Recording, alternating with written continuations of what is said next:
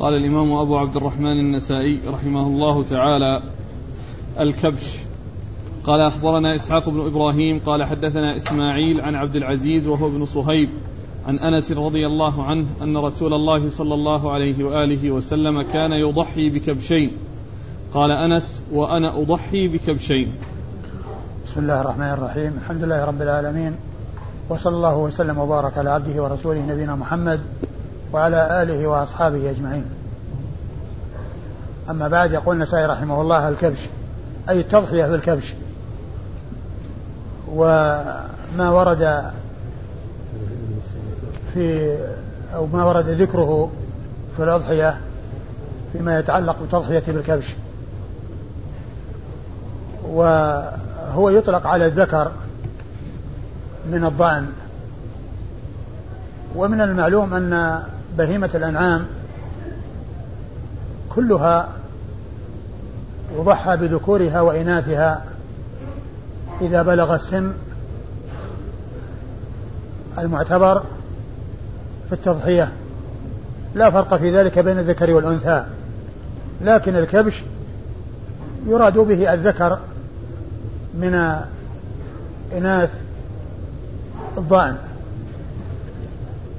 وقد أورد النسائي حديث أنس بن مالك رضي الله عنه أن النبي صلى الله عليه وسلم ضحى بكبشين قال أنس وأنا أضحي بكبشين فهو يدل على التضحية بالكباش وأن النبي صلى الله عليه وسلم ضحى بكبشين وأنس بن مالك رضي الله عنه كان يضحي بما ضحى به رسول الله صلى الله عليه وسلم.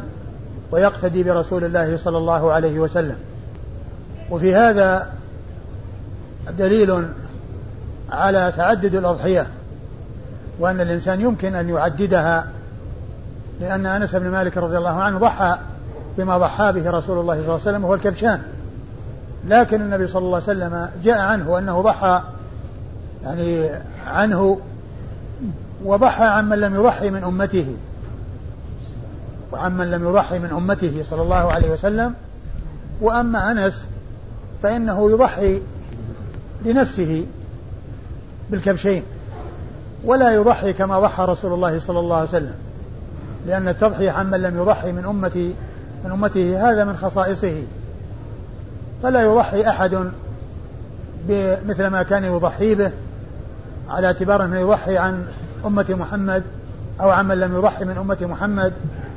لأن ذاك فعله صلى الله عليه وسلم وأما غيره فإن فإنه يضحي عن نفسه وله أن يضحي عن غيره إذا عينه لكن أن يضحي كما ضحى الرسول صلى الله عليه وسلم عنه وعن عن أمة محمد صلى الله عليه وسلم أو عمن لم يضحي من أمة محمد صلى الله عليه وسلم هذا إنما يكون للنبي صلى الله عليه وسلم. وقد وأما إسناد الحديث فيقول النسائي أخبرنا إسحاق بن إبراهيم. إسحاق بن إبراهيم بن مخلد بن راهوية الحنظلي المروزي ثقة وصف بأنه أمير المؤمنين في الحديث وحديثه أخرجه أصحاب الكتب الستة إلا ابن ماجه. عن إسماعيل. عن إسماعيل وهو بن علية إسماعيل بن إبراهيم بن مقسم المشهور بن علية وهو ثقة أخرج له أصحاب الكتب الستة. عن عبد العزيز عن عبد العزيز وهو بن صهيب. وهو ثقة أخرج له أصحاب الكتب الستة. عن أنس بن مالك رضي الله عنه صاحب رسول الله صلى الله عليه وسلم وخادمه أحد السبعة المعروفين بكثرة الحديث عن النبي صلى الله عليه وسلم. وهذا الإسناد من أعلى الأسانيد عند النسائي وهي الرباعيات لأن بين النسائي فيه وبين رسول الله صلى الله عليه وسلم أربعة أشخاص. هم إسحاق بن إبراهيم وإسماعيل بن إبراهيم وعبد العزيز بن صهيب وأنس بن مالك. قال أنس وأنا أضحي بكبشين. فهل فيه دليل على استحباب التثنية في الأضحية؟ هو هذا التعدد. أنا قلت يعني هذا فيه دليل على التعدد في الأضحية وأن الإنسان له أن يضحي بأكثر من واحدة لأن أنس رضي الله عنه كان يضحي بكبشين كما كان رسول الله صلى الله عليه وسلم يضحي بكبشين. يكون أفضل يعني. والله لا شك أن كل ما يعني كلما يعني تقرب الإنسان يعني بالأضاحي واستفاد وأفاد لا شك أنه على خير وهذا أصله يذكر أن إناث بهيمة الأنعام لحمها أطيب من ذكورها فهل هذا صحيح؟ لا أدري قال أخبرنا محمد بن المثنى عن خالد قال حدثنا حميد عن ثابت عن أنس رضي الله عنه أنه قال ضحى رسول الله صلى الله عليه وآله وسلم بكبشين أملحين. ثم ورد النسائي حديث أنس بن مالك من طريق أخرى وفيها أنه ضحى بكبشين. وصف هذين الكبشين بأنهما أملحان بأنهما أملحان. والأملح هو الذي فيه بياض وسواد وبياضه أكثر من سواده. هذا هو أحسن ما قيل فيه. أحسن ما قيل فيه أنه الذي فيه بياض وسواد وسوا وبياضه أكثر من سواده. وقيل فيه أقوال أخرى غير ذلك لكن هذا هو أولاها. وقد أرى وأما إسناد الحديث فيقول النسائي أخبرنا محمد بن المثنى. محمد المثنى العنزي أبو موسى الملقب الزمن ثقة أخرج له أصحاب كتب الستة بل هو شيخ لأصحاب كتب الستة. خالد عن خالد بن الحارث البصري ثقة أخرج له أصحاب كتب الستة. عن حميد. عن حميد بن أبي حميد الطويل وهو ثقة أخرج له أصحاب كتب الستة. عن ثابت. عن ثابت بن أسلم البناني وهو ثقة أخرج له أصحاب كتب الستة. عن أنس وقد مر ذكره. قال أخبرنا قتيبة قال حدثنا أبو عوانة عن قتادة عن أنس رضي الله عنه أنه قال ضحى النبي صلى الله عليه وآله وسلم بكبشين أملحين أقرنين ذبحهما بيده وسمى وكبر ووضع رجله على صفاحهما. ثم ورد النسائي حديث أنا أنس بن مالك رضي الله عنه. من طريق أخرى وفيه بيان آه وفيه بيان أكثر مما جاء في الطريقين السابقتين. وذلك أنه ضحى بكبشين أملحين وهذا هو الذي مر في الطريقة السابقة قبلها والطريقة التي قبلها كبشين بدون وصفهما بأملحين. وأما هذه ففيها ما اشتملت عليه الطريقة الثانية من أنه ضحى بكبشين أملحين وعرفنا المراد بالأملح ذبحهما بيده. قال أقرنين. قال أقرنين وصفهما أيضا أقرنين. يعني أن لهما قرنان معتدلان يعني معناه أن في تمام خلقتهما في تمام خلقتهما. أيوة. ذبحهما بيده. ذبحهما بيده وفيه أنه باشر الذبح بيده صلى الله عليه وسلم. باشر الذبح بيده ولم ينب أحدا ليتولى الذبح بل هو الذي باشر الذبح بيده صلى الله عليه وسلم. وسمى وكبر. وسمى وكبر قال بسم الله والله أكبر. وهذا يدل على أنه يسمى عند الذبيحة ويكبر يعني عندما يضحي الإنسان أو يذبح الهدي فإنه يسمي ويكبر. وكذلك أيضا لو أراد أن يذبح شيئا فإنه يسمي الله عز وجل لأن التسمية لا بد منها. التسمية لا بد منها. ووضع رجله على صفاحهما. ووضع رجله على صفاحهما يعني على صفحة العنق وذلك لي لي لي ليتمكن من مسك الرأس وكونه لا يضطرب ولا يتحرك عندما تجري عليه السكين. فيكون يعني مسك يعني أضجع يضجعها على شقها الأيسر ويضع رجله على صفحتها اليسرى يضع رجله اليمنى على صفحتها اليسرى ويمسك الرأس بيده يمسك الرأس بيده اليسرى ويذبح بيده اليمنى ويذبح بيده اليمنى. والذبح كما عرفنا فيما يتعلق بالغنم والبقر أنه يكون في العنق يعني في المفصل الذي يفصل الرأس من الرقبة. وأما الإبل فإنها تذبح أو تنحر في لبتها وهي المنطقة التي تفصل أو التي تقع بين أصل الرقبة واليدين بين أصل الرقبة واليدين. ويجوز نحر ما يذبح وذبح ما ينحر يعني بأن يذبح البعير كما تذبح البقر والغنم من من من آه، من عند الرأس. ويجوز أن ينحر ما يذبح بأن تكون البقر والغنم تذبح من اللبة التي بين أصل العنق واليدين. الحديث دل على عدة أمور. مشروعية التضحية وأن النوع الذي يضحى به والذي ضحى به الرسول صلى الله عليه وسلم والكبشان الأملحان الأقرنان وكذلك أيضا كونه آه، ذبحهما بيده وكونه أيضا آآ سمى وكبر وأنه وضع رجله على صفاحهما أي صفحة العنق اليسرى ليكون أمكن وليمنع الذبيحة من من الاضطراب. نعم. يقول يا شيخ في شيء يدل على وضع الذبيحة على الجنب الأيمن وليس شيء. هذا هو نفس نفس العمل العمل هذا يدل على أن جعل جنبها اليسار. لأنه الذبح باليد اليمنى فما يتأتى إلا إذا جعلها على جنبها اليسار. لأنه لو جعلها على الجنب الأيمن ما يعني يعني يمسكها بهذه الطريقة بأن يضع الرجل على صفحتها ويمسك الرأس باليد. نعم. واستقبال القبلة ما أعلم فيه دليل لكن يعني يعني إذا وجهت للقبلة واستقبلت القبلة فإن ذلك حسن لأن ما هناك يعني شيء يمنعه. ويعني كما أن القبلة هي قبلة الدعاء والإنسان يستقبلها وهذا فيه دعاء أيضا لأنه يسمي ويكبر. ويعني قد يعني يكون وإن كان أنه ليس بواضح الحديث الذي سيأتي يعني وجه وجه حديث سيأتي وجه قبلتنا أو وجه يعني سيأتي وصلى صلاتنا. يعني يمكن أن يقال بعمومه يمكن أن يندرج تحته ذلك نعم قال أخبرنا قتيبة قتيبة بن سعيد بن جميل بن طريف البغلاني ثقة أخرج له أصحاب كتب الستة. عن أبي عوانة.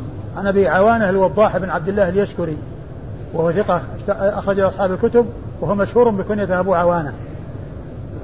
عن قتادة. عن قتادة بن دعامة السدوسي البصري ثقة أخرج له أصحاب الكتب الستة. عن أنس. عن أنس بن مالك رضي الله عنه وقد مر ذكره وهذا من رباعيات النسائي.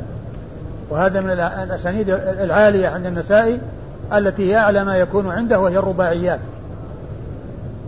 قال أخبرنا إسماعيل بن مسعود قال حدثنا حاتم بن وردان عن أيوب عن محمد بن سيرين عن أنس بن مالك رضي الله عنه أنه قال خطبنا رسول الله صلى الله عليه وآله وسلم يوم أضحى وانكفأ إلى كبشين أملحين فذبحهما. مختصر. ثم ورد النسائي حديث أنس أن النبي صلى الله عليه وسلم خطبهم يوم الأضحى يعني يوم عيد الأضحى خطبهم للعيد ثم انكفأ إلى كبشين إلى كبشين؟ نعم. كبشين أملحين فذبحهما. كبشين أملحين فذبحهما. مختصر وهذا مجمل. والحديث الذي مر يفصله وأنه آه، سمى وكبر وأنه وضع رجله على صفاحهما وأن آه، وأنه ذبحهما بيده نص على الذبح باليد. وهنا قال ذبحهما والذبح يعني آه، إذا كان غير منصوص على اليد يحتمل أن يكون أمر بالذبح ويحتمل أن يكون بيده لكن قد جاءت الروايات الأخرى مبينة ومفصلة بأن الذبح كان بيده صلى الله عليه وسلم وبمباشرته الذبح وبمباشرته الذبح. ولهذا قال مختصر يعني هذه الرواية أتى بها مختصرة. قال أخبرنا إسماعيل بن مسعود إسماعيل بن مسعود البصري ثقة أخرج حديثه النسائي وحده. عن حاتم بن وردان. عن حاتم بن وردان وهو ثقة أخرج البخاري ومسلم والترمذي والنسائي. وهو ثقة أخرج حديث البخاري ومسلم والترمذي والنسائي. عن أيوب. عن أيوب بن أبي تميم السختياني ثقة أخرج له أصحاب كتب الستة. عن محمد بن سيرين. عن محمد بن سيرين وهو ثقة أخرج له أصحاب كتب الستة. عن أنس. عن أنس وقد مر ذكره. قال أخبرنا حميد بن مسعدة في حديثه عن يزيد بن زريع عن ابن عون عن محمد عن عبد الرحمن بن أبي بكرة عن أبيه رضي الله عنه أنه قال ثم انصرف كأنه يعني النبي صلى الله عليه وآله وسلم يوم النحر إلى كبشين أملحين فذبحهما وإلى جذيعة من الغنم فقسمها بيننا. ثم ورد النسائي حديث آه أبي بكر حديث أبي بكرة نفيع بن الحارث رضي الله تعالى عنه أن النبي صلى الله عليه وسلم قال ثم انكفأ. يعني بعدما صلى وهذا في اختصار إلى كبشين أملحين فذبحهما وإلى جذي جذيعة جذيعة أو جزيعة يعني. جزيعة جزيعة. جزيعة. جزيعة من الغنم فقسمها بيننا فقسمها بيننا.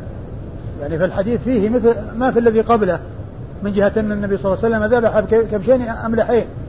كما جاء ذلك عن أنس رضي الله عنه. يعني كما جاء في حديث أنس وأنه ضحى بكبشين أملحين.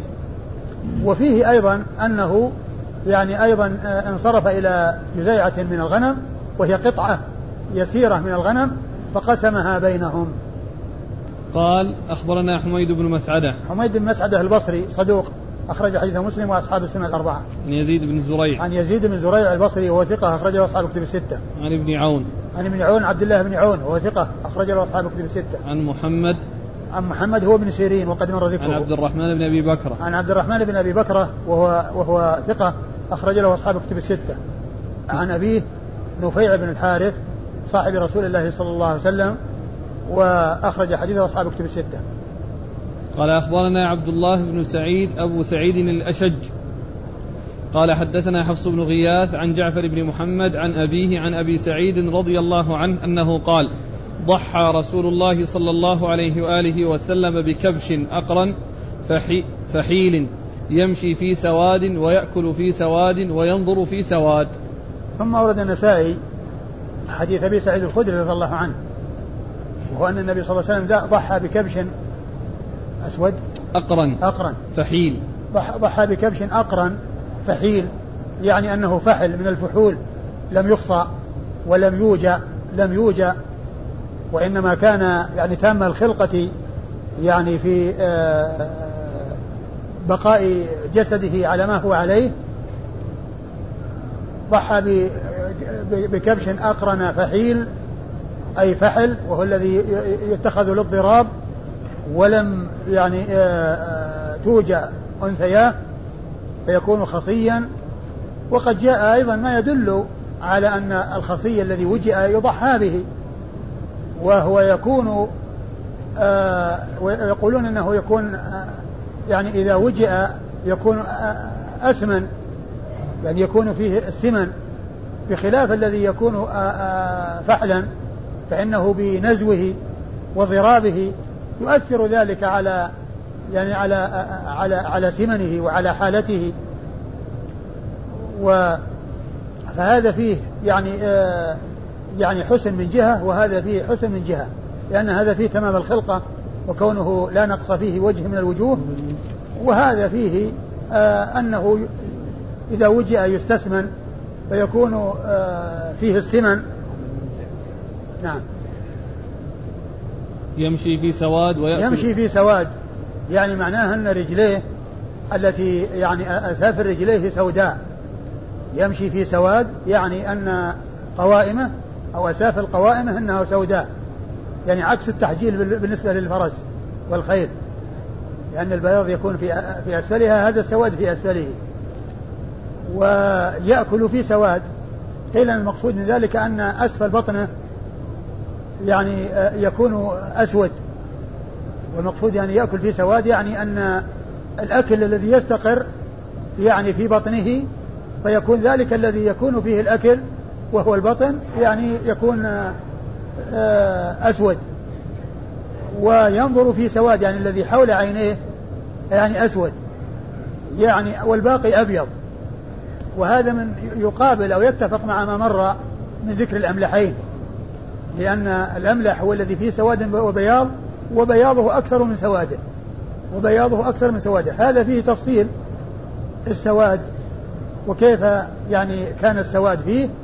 فيكون في وجهه يعني قريب من عينيه ويكون في أسافل الرجلين ويكون في أسافل البطن. قال أخبرنا عبد الله بن سعيد أبو سعيد الأشج. عبد الله بن سعيد أبو سعيد الأشج وهو ثقة. أخرجه أصحاب الكتب الستة وهو مما وافقت كنيته اسم أبيه لأن أبوه سعيد وهو أبو سعيد.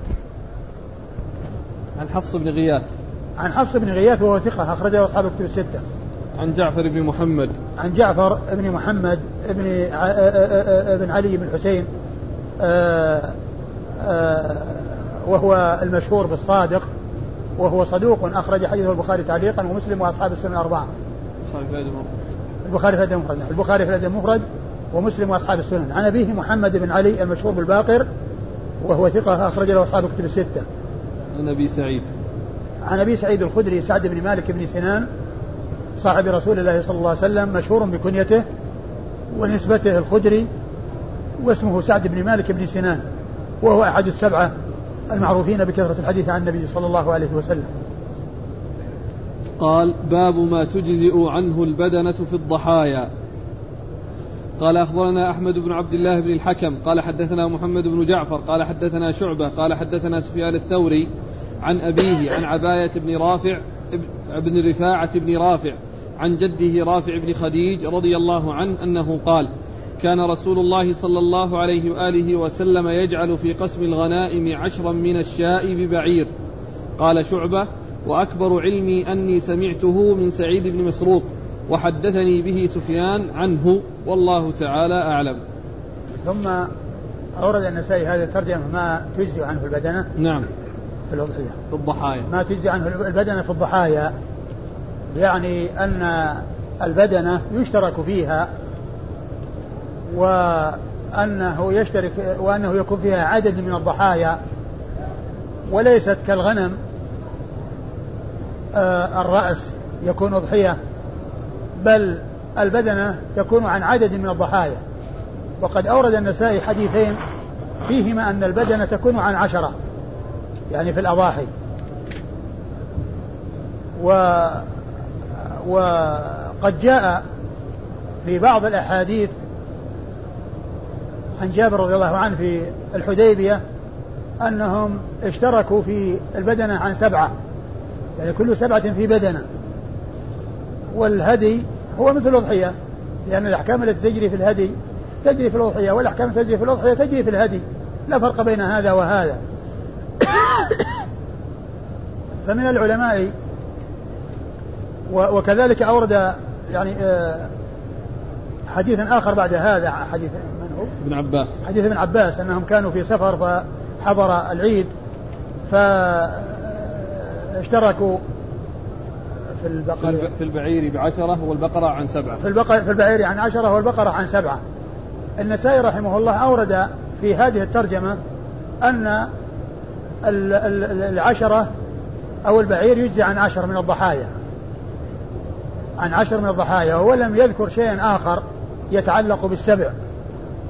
وقد جاء في حديث جابر وقد جاء في حديث جابر وغيره أن البعير يجز عن سبع.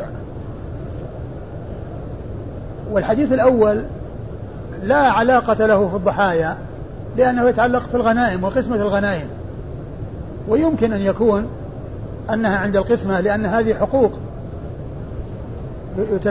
يلزم فيها التساوي بين الغانمين بحيث يعني لا أحد يزيد على أحد. فإذا هي قسمة قسمة حقوق.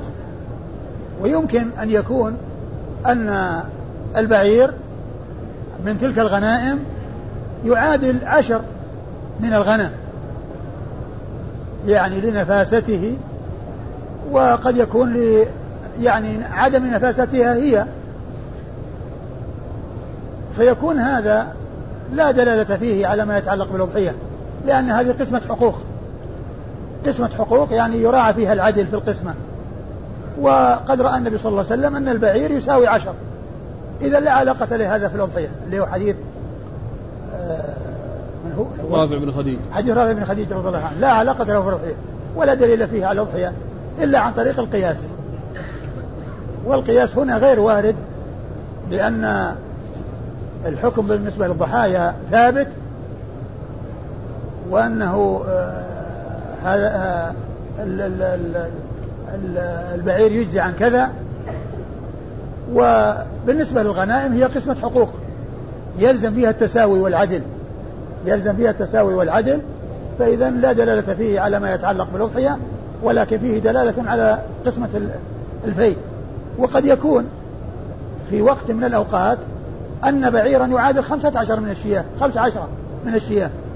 يعني إذا كانت ضعيفة وكانت يعني صغيرة أو كان كذا يعني لأنها قسمة حقوق ويمكن أن يكون البعير يعادل خمس أيضا فيما إذا كانت ضخمة وكبيرة والبعير هزيل ويعني ليس بسمين وليس يعني بال يعني آه، نفيس لأن القسمة تقبل الارتفاع والانخفاض لأن قسمة الحقوق لا بد فيها من التساوي والعدل.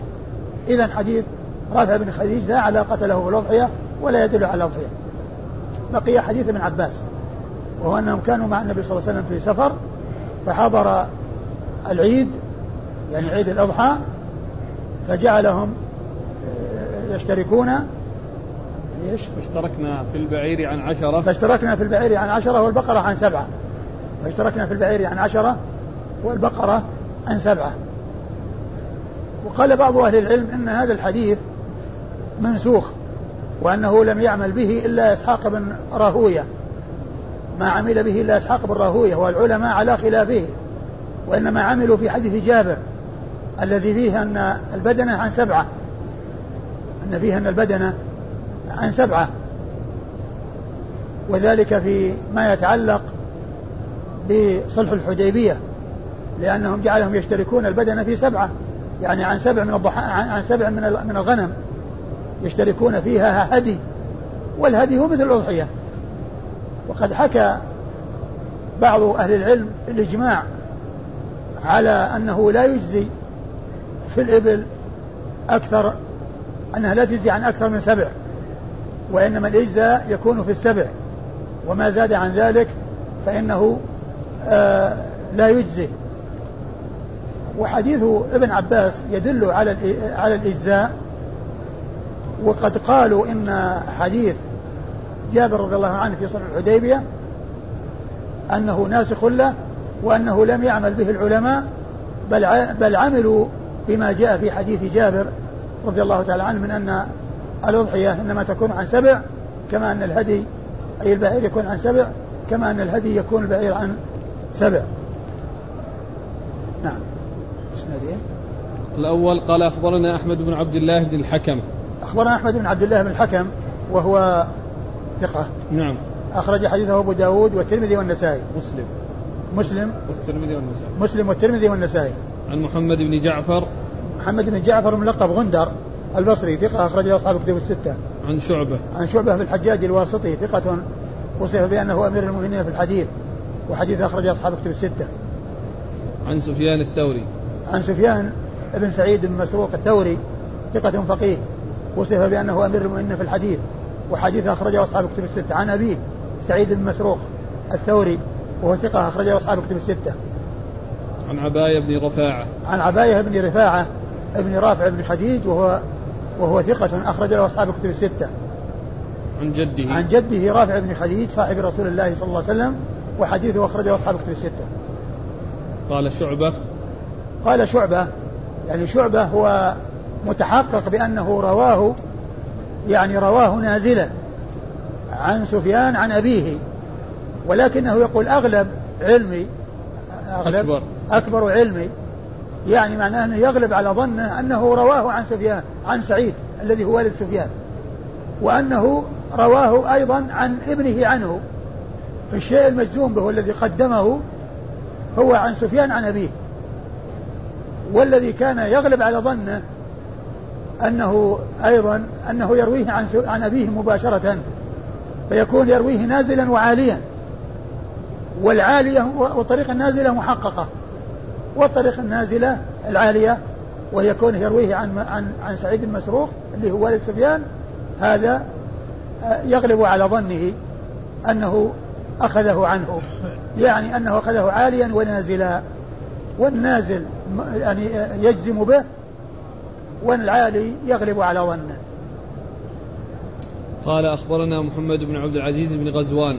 محمد بن عبد العزيز بن غزوان هو بن أبي رزمة. قد مر ذكره قريبا وهو ثقة أخرج حديث البخاري وأصحاب السنن. نعم. وهو ثقة أخرج حديث البخاري وأصحاب السنن الأربعة عن الفضل بن موسى. عن الفضل. الفضل بن موسى المروزي ثقة أخرجه أصحاب كتب الستة. عن حسين يعني بن وا... بن واقد. عن حسين بن واقد وهو صدوق له أوهام ثقة. ثقة له أوهام أخرج له البخاري تعليقا ومسلم. البخاري تعليقا ومسلم وأصحاب السنة الأربعة عن عل... عن علباء بن أحمر. عن علباء بن أحمر وهو ثقة. صدوق. صدوق أخرج له. مسلم والترمذي والنسائي وابن ماجه. وهو صدوق أخرج حديث مسلم والترمذي والنسائي وابن ماجه. عن عكرمة. عن عكرمة هو ابن عباس وهو ثقة أخرجه أصحاب الكتب الستة. عن ابن عباس عبد الله بن عباس بن عبد المطلب ابن عم النبي صلى الله عليه وسلم. وأحد العبادلة الأربعة من أصحابه الكرام وأحد السبع المعروفين بكثرة الحديث عن النبي صلى الله عليه وسلم. قال رحمه الله تعالى باب ما تجزئ عنه البقرة من في الضحايا.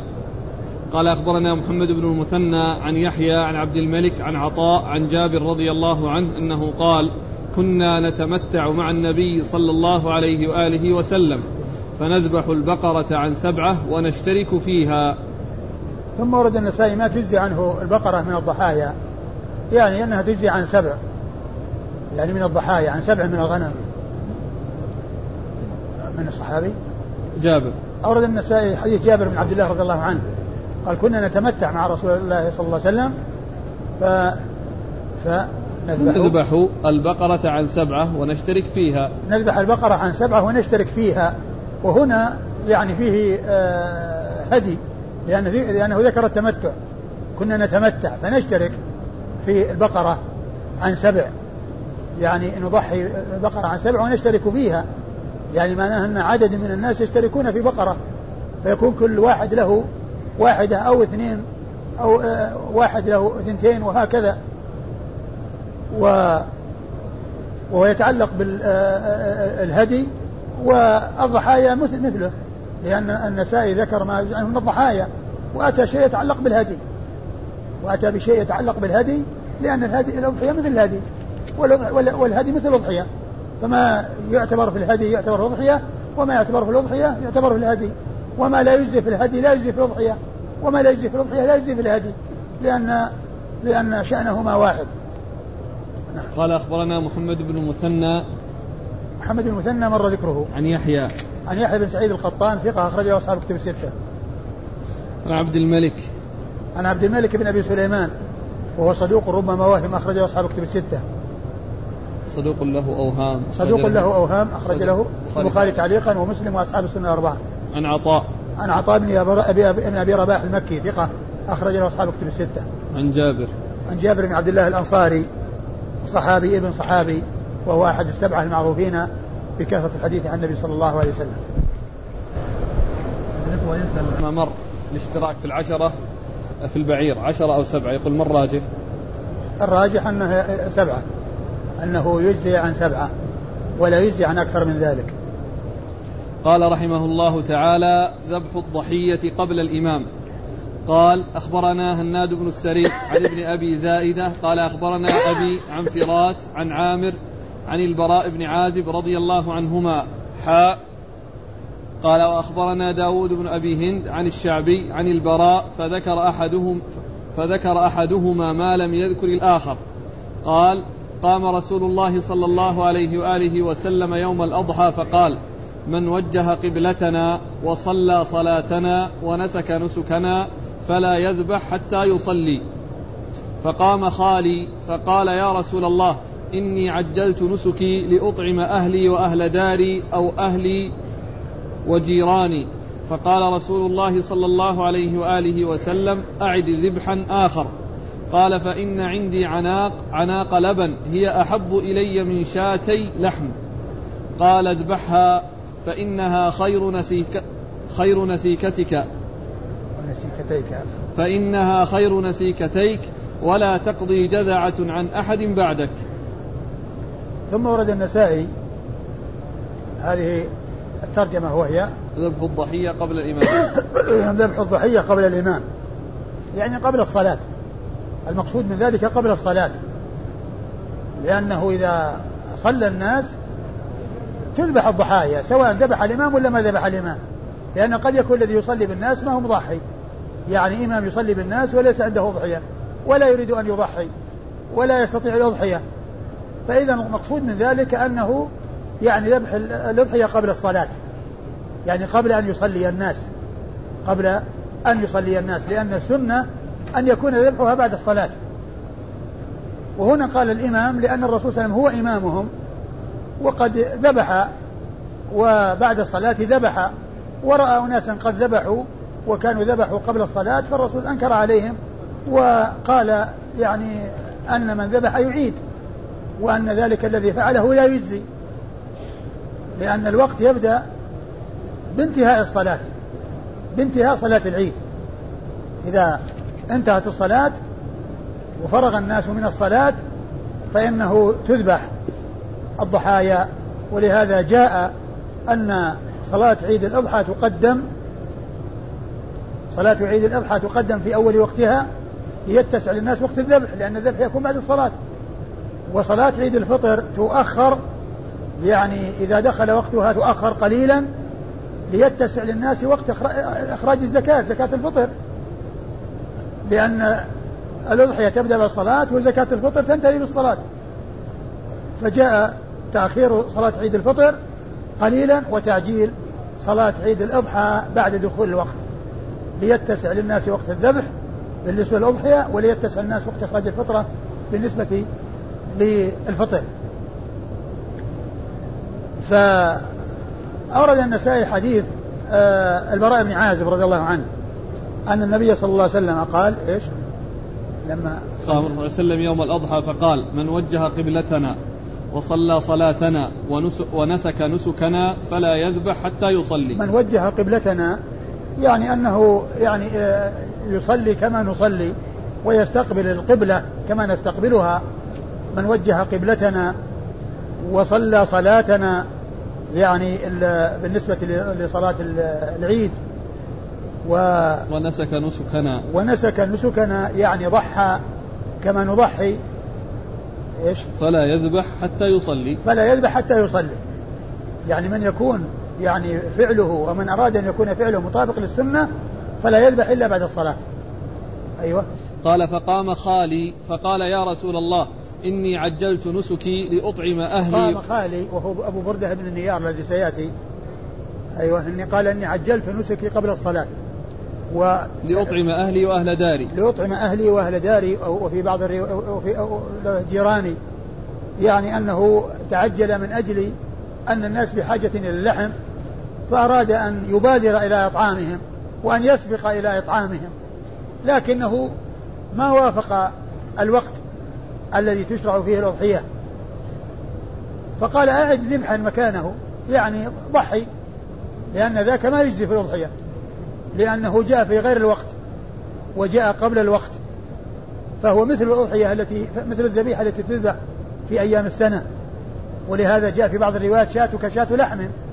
قال له شاتك شاة لحم يعني أنها كالذبائح التي تذبح من أجل أكل لحمها وليست وليست قربة يتقرب بها يعني في وقت معين كالهدايا والضحايا كالهدي والأضحية. قال أعد ذبحا مكانه. الذبح يعني آه، معنى مذبوح. يعني آه، ذبيحة أخرى. يعني مكان هذا الذي فعلته وذاك لا يجزي عنك لأن تلك شاة لحم. عندما علم بأن الأضحية التي فعلها لا تعتبر قال إن عندي عناق. عناق لبن هي أحب إلي من شاتين. ومن المعلوم أن العناق وهي التي ما بلغت أن تكون مسنة لا تجزي في الأضحية لأن الذي يجزي مسنة إلا الضأن فإنه يجزي الجذع ولكن الجذع من المعز لا يجزي. الجذع من المعز لا يجزي في الأضحية بل يجزي المسن. وأما الضأن فيجزي الجذع منه. فقال اذبحها ولن تجزي عن أحد بعدك. يعني أن هذه خاصة بك. وغيرك لا يضحي ب لا يضحي بجذعة من المعز لا يضحي بجزع وإنما هذه من خصائص هذا الرجل. يعني اختص بهذا الحكم ولهذا قال لن تجزي عن أحد بعدك. يعني هذه من خاصة بك. والنبي صلى الله عليه وسلم كان يأتي يعني في بعض الأحاديث يعني شيء يتخص يخص بعض الرجال. مثل ما جاء في هذا التنصيص عليه وكما جاء في خزيمة بن ثابت شهادة عن شهادة رجلين وهذه من خصائصه. وكما جاء في قصة التي مرت بنا قريبا التي أرادت أن تسعد قبل أن تبايع. يعني بأن تنوح مع تلك وقالوا أن هذا من خصائص تلك المرأة ولا يجوز ولا يجوز لامرأة أن تنوح بعد ما استقرت السنة وثبتت عن رسول الله صلى الله عليه وسلم في تحريم النياحة على الميت. آه، قال هذه خير نسيكتيك لأنك ذبحت ذبيحتين الذبيحة الأولى هي آه، شاة لحم وأما هذه فهي نسك وقربة إلى الله عز وجل. نسيكتيك يعني ذبيحتيك اللتين ذبحتهما الأولى ليست قربة وإنما هي للحم فقط وأما الثانية فهي قربة. ولكن التضحية بالجذع من المعز خاص بأبي بردة بن نيار خال البراء بن عازب ولا وليس لغيره أن يضحي بالجذعة من المعز. قال أخبرنا هناد بن السري هناد بن السري أبو السري الكوفي ثقة أخرج حديث البخاري في خلق أفعال العباد ومسلم وأصحاب السنة الأربعة. عن أبي عن, عن ابن أبي زائدة. عن ابن أبي زائدة هو يحيى بن زكريا بن أبي زائدة. ثقة أخرجه أصحاب الكتب الستة. عن أبيه زكريا وهو ثقة أخرجه أصحاب الكتب الستة. عن فراس. عن فراس ابن يحيى وهو صدوق ربما وهم صدوق ربما وهم أخرجه أصحاب الكتب الستة. عن عامر عن عامر الشعبي عامر بن شراحيل الشعبي يذكر باسمه ويذكر بنسبته. وهنا ذكر باسمه عامر هو بن شراحيل وهو ثقة فقيه أخرجه أصحاب كتب الستة. عن, البراء بن عازب رضي الله عنه صحابي من صحابي وهو وحديثه أخرجه أصحاب كتب الستة. قال حاء وأخبرنا داود بن أبي هند. ثم قال حاء وأخبرنا داود بن أبي هند. يعني هذا ليس من شيوخ النسائي هذا يعني من طبقة فراس الذي يروي عن الشعبي إلا أن ذاك عبر بعامر وهذا عبر بالشعبي لأنه ليس تعبيرهما عن الشعبي واحدا بل آه فراس أتى باسمه وأما داود بن أبي هند فأتى بنسبته آه، وهو صدوق اللي هو صدوق؟ ثقة. وهو ثقة. داود بن أبي هند أخرجه البخاري تعليقا ومسلم وأصحاب السنة الأربعة. عن الشعبي عن البراء. عن الشعبي عن البراء وقد مر ذكرهما. قال فذكر أحدهما ما لم يذكر الآخر. قال فذكر أحدهما ما لم يذكر الآخر. يعني أن هذا الكلام جاء عنهما ولكن لا يعني أن كل واحد منهما قال هذا الكلام. ولكن يقول هذا الكلام ثابت عنهما إما مجتمعين وإما كل واحد جاء بلفظ. فذكر أحدهما ما لم يذكر الآخر. يعني معناه أن هناك انفرد بها هذا وألفاظ انفرد بها هذا وهو ما ميزها. ما ميزها وإنما ذكرها ولكن هي ثابتة. سواء جاءت عن فراس أو جاءت عن داود بن أبي هند. كل منهما يعني معتبر وكل منهما ثقة. فتمييز ما قاله هذا وما قاله هذا لم يذكره ولكن قال ذكر أحدهما ما لم يذكر الآخر. ولكن الكلام كله صحيح لأنه جاء عن ثقة. أيوة. لا والمقصود به الذي يصلي بالناس. الذي يصلي بالناس. قال أخبرنا قتيبة قال حدث لكن لكن النسائي لعله يقصد الرسول صلى الله عليه وسلم لأنه هو الذي يعني صلى بالناس وضحى والذين ضحوا قبل ذلك يعني ما اعتبر ضحاياهم لكن ليس يعني الناس في كل زمان ما يصلون أو ما يذبحون إلا إذا ذبح الإمام لأن الإمام قد يكون في بلد وهم يكونون في بلد وهؤلاء يعني صلاتهم تكون أبكر وهذا صلاتهم متأخرة. يعني ما يعرف الوقت الذي ذبح به الإمام إذا كان الإمام الأعظم وإنما المقصود ذلك إمام الصلاة. والنسائي لعله يريد النبي صلى الله عليه وسلم لأنه قد يكون الإمام ما يذبح. قد يكون الإمام ما يذبح الذي يصلي بالناس. يخطب ويصلي ولكنه فقير ولا عنده أضحية. نعم. الأخ يقول هذا هذا الحديث فيه دلالة على وجوب الأضحية؟ وين؟ لقوله ضحي أو اذبحها. لا هو المقصود يعني أن إشارة إلى إشارة إلى إعادة الذبح. لأن الذي فعلته لم يجزئك. وإذا فيعني آه، لا تكون ضحيت إلا إذا أعدت الذبح. فبعض العلماء قال إنه يدل على الوجوب وبعضهم قال لا يدل على الوجوب وإنما يعني ذاك ضحى وأضحيته غير معتبرة. قال اذا آه هذا الذي فعلته على أنه أضحية لا يعتبر أضحية وإنما عليك أن تذبح مكانه. ثم هذا الحديث يدل على أن العمل وهي يدل على على قاعدة يعني تتعلق بالعقيدة وهي أن العمل لا يعتبر إلا إذا إذا وقع إلا إذا إذا وقع مطابقا للسنة ولا يكفي حسن قصد الفاعل ولا يكفي حسن قصد الفاعل بأن يكون عمله يعني غير مطابق للسنة يكفي حسن قصده. مثل بعض الناس الذين يحدثون بدعا ويقولون قصدنا طيب وإحنا ما أردنا إلا الخير. يعني ليس قصد الفاعل أو حسن قصده دالا على صحة عمله لأن هذا الصحابي قصده طيب بكونه ضحى قبل الصلاة لأنه يريد أن يطعم أهله وجيرانه والناس بحاجة إلى اللحم والرسول قال شاتك شات لحم لأنها ما وقعت مطابقة للسنة ما وقعت مطابقة للسنة ذكر الحافظ بن حجر في فتح الباري عن بعض أهل العلم أنه قال ويستنبط من هذا الحديث أن العمل لا يعتبر إلا إذا وقع مطابقا للسنة ولا يكفي حسن قصد الفاعل. ما يكفي حسن قصد الفاعل والله أنا قصدي طيب ما أردت إلا الخير. مثل ما قال عبد الله بن مسعود رضي الله عنه لما جاء الجماعة الذين بالمسجد متعلقين وعندهم ومعهم كل واحد مجموعة من الحصى وفيهم واحد يقول سبحوا مئة ثم يعدون سبحان الله سبحان الله حتى يغلقوا مئة. ثم يقول كبروا مئة. ثم يبدون كون الله أكبر الله أكبر حتى يكملوا مئة. فوقف على رؤوسهم وقال ما هذا؟ إما أن تكونوا على طريقة أهدى مما كان عليه أصحاب الرسول صلى الله عليه وسلم هم فعلوا هذا. أو أنكم مفتتحوا باب ضلالة واحدة من ثنتين. إما أنكم على طريقة أهدى مما كان عليه أصحاب الرسول صلى الله عليه وسلم ورضي الله عنه وهم ما فعلوا هذا. أو أنكم مفتتحوا باب ضلال وإذا كان الأولى انتفت في حقهم بقي أنهم افتتحوا باب ضلالة. فهموا.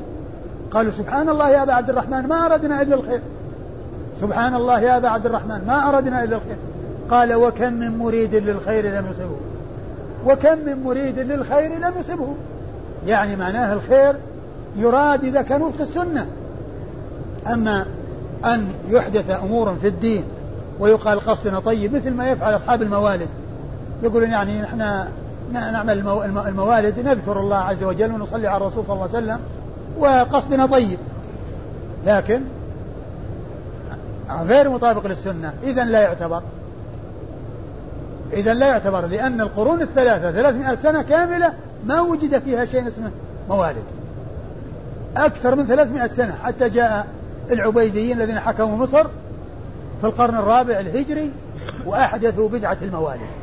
وهم أول من أحدثها. فهي بدعة الذي أحدثها رافضة ومستندهم تقليد النصارى. يعني قال النصارى يحتفلون بعيد عيسى بميلاد عيسى ونحن لا نحتفل بميلاد الرسول صلى الله عليه وسلم. يعني إذا هي بدعة والذي أحدثها وابتدعها رافضة وعمدتهم تقليد النصارى. وعمدتهم في ذلك تقليد النصارى في احتفالهم بميلاد عيسى عليه الصلاة والسلام. الحاصل أن هذا الحديث واضح الدلالة على أن العمل لا يعتبر إلا إذا وفق إلا إذا وقع طبق السنة وأنه لا يكفي حسن قصد الفاعل. وقد سبق أن عرفنا أن العمل مقبول عند الله لا بد فيه من شرطين أن يكون خالصا لوجه الله وأن يكون مطابقا لسنة رسول الله صلى الله عليه وسلم. فإذا انتفى الشرطان فإنه لا اعتبار للعمل. نعم. قال أخبرنا قتيبة قال حدثنا أبو الأحوص عن منصور عن الشعبي عن البراء بن عازب رضي الله عنهما أنه قال خطبنا رسول الله صلى الله عليه وآله وسلم يوم النحر بعد الصلاة ثم قال من صلى صلاتنا ونسك نسكنا فقد أصاب النسك ومن نسك قبل الصلاة فتلك شاة لحم فقال أبو بردة رضي الله عنه يا رسول الله والله لقد نسكت قبل أن أخرج إلى الصلاة وعرفت أن اليوم يوم أكل وشرب فتعجلت فأكلت وأطعمت أهلي وجيراني. فقال رسول الله صلى الله عليه وآله وسلم تلك شاة لحم. قال فإن عندي عناقا جذعة خير من شاتي لحم فهل تجزئ عني؟ قال نعم ولن تجزي عن أحد بعدك. أه تجزي أو تجزي أنها يعني المشهور أنها تجزي يعني تقضي لأنها قضى لتلك الأضحية التي يعني ما وقعت مطابقة للسنة لأنه فعلها قضاء. وأورد النسائي حديث البراء بن عازب وهو مثل ما تقدم. يعني آه، الكلام فيه كالكلام في الرواية السابقة. قال أخبرنا قتيبة عن أبي الأحوص. قتيبة مر ذكره أبو الأحوص هو سلام بن سليم سليم الحنفي ثقة أخرجه أصحاب كتب الستة. عن منصور عن منصور بن معتمر ثقة أخرج أصحاب كتب الستة. عن الشعبي عن البراء. عن الشعبي عن البراء وقد مر ذكرهما. قال أخبرنا يعقوب بن إبراهيم قال حدثنا ابن علية قال حدثنا أيوب عن محمد عن أنس رضي الله عنه أنه قال قال رسول الله صلى الله عليه وآله وسلم يوم النحر من كان ذبح قبل الصلاة فليعد فقام رجل فقال يا رسول الله هذا يوم يشتهي في يشتهى فيه اللحم فذكر هنة من جيرانه كأن رسول الله صلى الله عليه وآله وسلم صدقه. قال عندي جذعة عندي جذعة هي أحب إلي من شاتي لحم فرخص له فلا أدري أبلغت رخصته من سواه أم لا. ثم انكفى إلى كبشين فذبحهما. ثم ورد النسائي حديث أنس بن مالك وهو مثل ما تقدم عن البراء بن عازب إلا أنه لم يجزم بكون آه، تلك العناق يعني تخص ذلك الشخص أو أنها تبلغ من سواه بأن تصلح لمن سواه. لكن آه، يدل على أنها لا تصلح لمن سواه. ما جاء عن النبي صلى الله عليه وسلم أنه لا يذبح إلا مسنة يعني إلا يعني فيما يتعلق بالجذع من الضأن. وكذلك أيضا نفس التصريح الذي جاء عن البراء بن عازب وعن آه، أبو بردة بن نيار نفسه أنها لن تجزي عن أحد بعده. يعني أن هذا الذي ما حفظه أنس يعني فيما يتعلق بتلك الذبيحة الأخيرة هل تخص ذلك الرجل أو تكون له ولغيره جزم به غيره وثبت عن غيره. فإذا هذه من خصائص أبي بردة بن نيار صاحب رسول الله صلى الله عليه وسلم ولا يجوز لأحد أن يضحي بجذعة من المعز قال فذكر هنة من جيرانه. فذكر هنة من جيرانه يعني حاجة يعني و أنهم فقراء والرسول صلى الله عليه وسلم صدقه فيما قال واعتبر أن عناقه الجذعة تغني عن آه، المسنة أو عن الذبيحة أو عن الأضحية فتكون أضحية بدلا من تلك التي لم تعتبر أضحية تعتبر هذه أضحية ولكن تخصه كما جاء في حديث أبي بردة وحديث البراء. وأما أنس فإنه ليس عنده الجزم. هل هي تخصه أو تبلغ الناس غيره؟ قال أخبرنا يعقوب بن إبراهيم. يعقوب بن إبراهيم الدورقي. ثقة أخرجه أصحاب كتب الستة بل هو شيخ في أصحاب كتب الستة. عن إسماعيل عن, عن ابن علية عن أيوب. عن ابن علية عن أيوب وقد مر ذكرهما. عن محمد عن أنس. عن محمد عن أنس محمد بن سيرين عن أنس وقد مر ذكرهما. قال أخبرنا عبيد الله بن سعيد. قال حدثنا يحيى عن يحيى. حاء وأخبرنا عمرو بن علي. قال حدثنا يحيى عن يحيى بن سعيد عن بشير عن بشير بن يسار. عن أبي برده بن نيار رضي الله عنه أنه ذبح قبل النبي صلى الله عليه وآله وسلم فأمره النبي صلى الله عليه وآله وسلم أن يعيد. قال عندي عناق جذعة هي أحب إلي من مسن من مسنتين. هي أحب إلي من مسنتين. قال اذبحها ف... اذبحها. في حديث عبيد الله فقال إني لا أجد إلا جذعة. فأمره أن يذبح. ثم ورد النسائي حديث أبي بردة بن نيار رضي الله عنه أنه آه، ضحى قبل الرسول صلى الله عليه وسلم وهذا لعله هو الذي يعنيه النسائي بالترجمة استضحي قبل الإمام لأن الرسول هو إمامهم وقد وجد من ضحى قبله ولكن النبي صلى الله عليه وسلم لم يعتبر آه، تلك الأضاحي التي كانت قبل الصلاة. وهو مثل ما تقدم إيش قال فيه يعني في شيء جديد. فأمره أن يعيد. قال عندي عناق جذعة هي أحب إلي من مسنتين. قال اذبحها. وفي حديث عبيد الله إني لا أجد إلا جذعة. فأمره أن يذبح. وليس فيه ذكر يعني أنها تجزي عنه وحده لكن آه، جاء يعني في حديث البراء وعنه أيضا في عند غير النسائي أنها لا تجزي عن أحد بعده.